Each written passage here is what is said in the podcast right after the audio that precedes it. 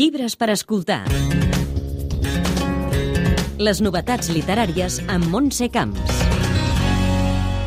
Una llegenda maia diu que quan apareix de sobte davant teu un colibrí, t'està portant un missatge d'amor de part d'algú que pensa en tu, sigui de la vida terrenal o del més enllà.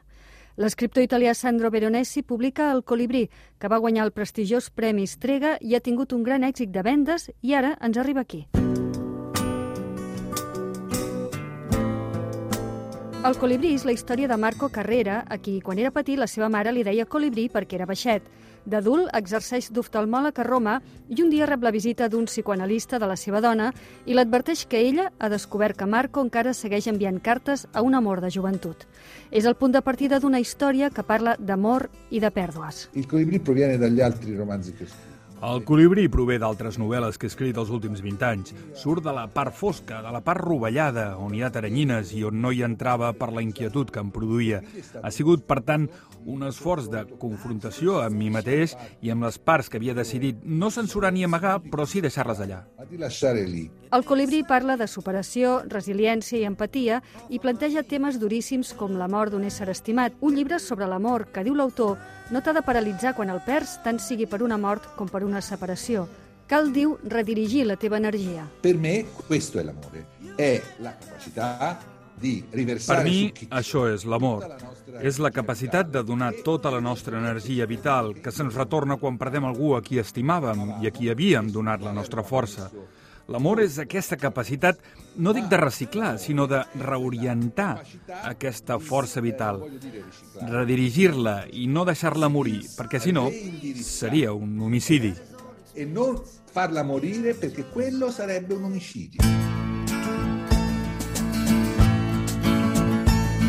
La novel·la, però, és una història optimista que ha aconseguit captar milers de lectors. Ma si parla di una cosa universale, che eh, le famiglie infelici... Aquí parlem d'una cosa universal, que és que les famílies infelices són interessants d'explicar i les felices no.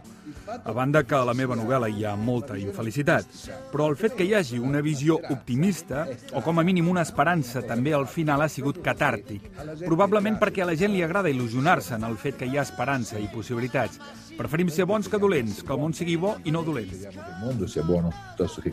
Veronesi ja va guanyar el Premi Strega el 2006 per la novel·la Caos Calmo i ara ha tornat a rebre el premi literari més prestigiós d'Itàlia amb aquest El colibrí que admet que l'ha fet sentir culpable pel moment que viu al món. Io ho vissuto questo 2020, che è un anno He viscut aquest 2020, que és un any horrible per tothom, d'una manera bastant esquizofrènica, perquè el colibrí ha tingut un èxit enorme, l'èxit més gran de la meva vida.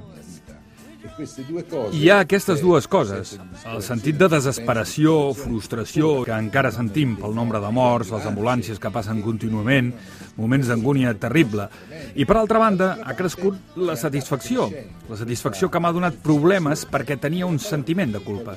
Cioè, un po' mi sentivo anche in colpa. Veronesi té cinc fills i per ells vol ser optimista. Vol que es moguin en plena llibertat, cosa que inclou, diu en broma, un món lliure dels mobles d'IKEA, perquè representen la impossibilitat d'escollir, ja que ells ho fan per tu. L'escriptor té l'última paraula. No ser estimats és una simple desventura. La veritable desgràcia és no estimar. Albert Camus.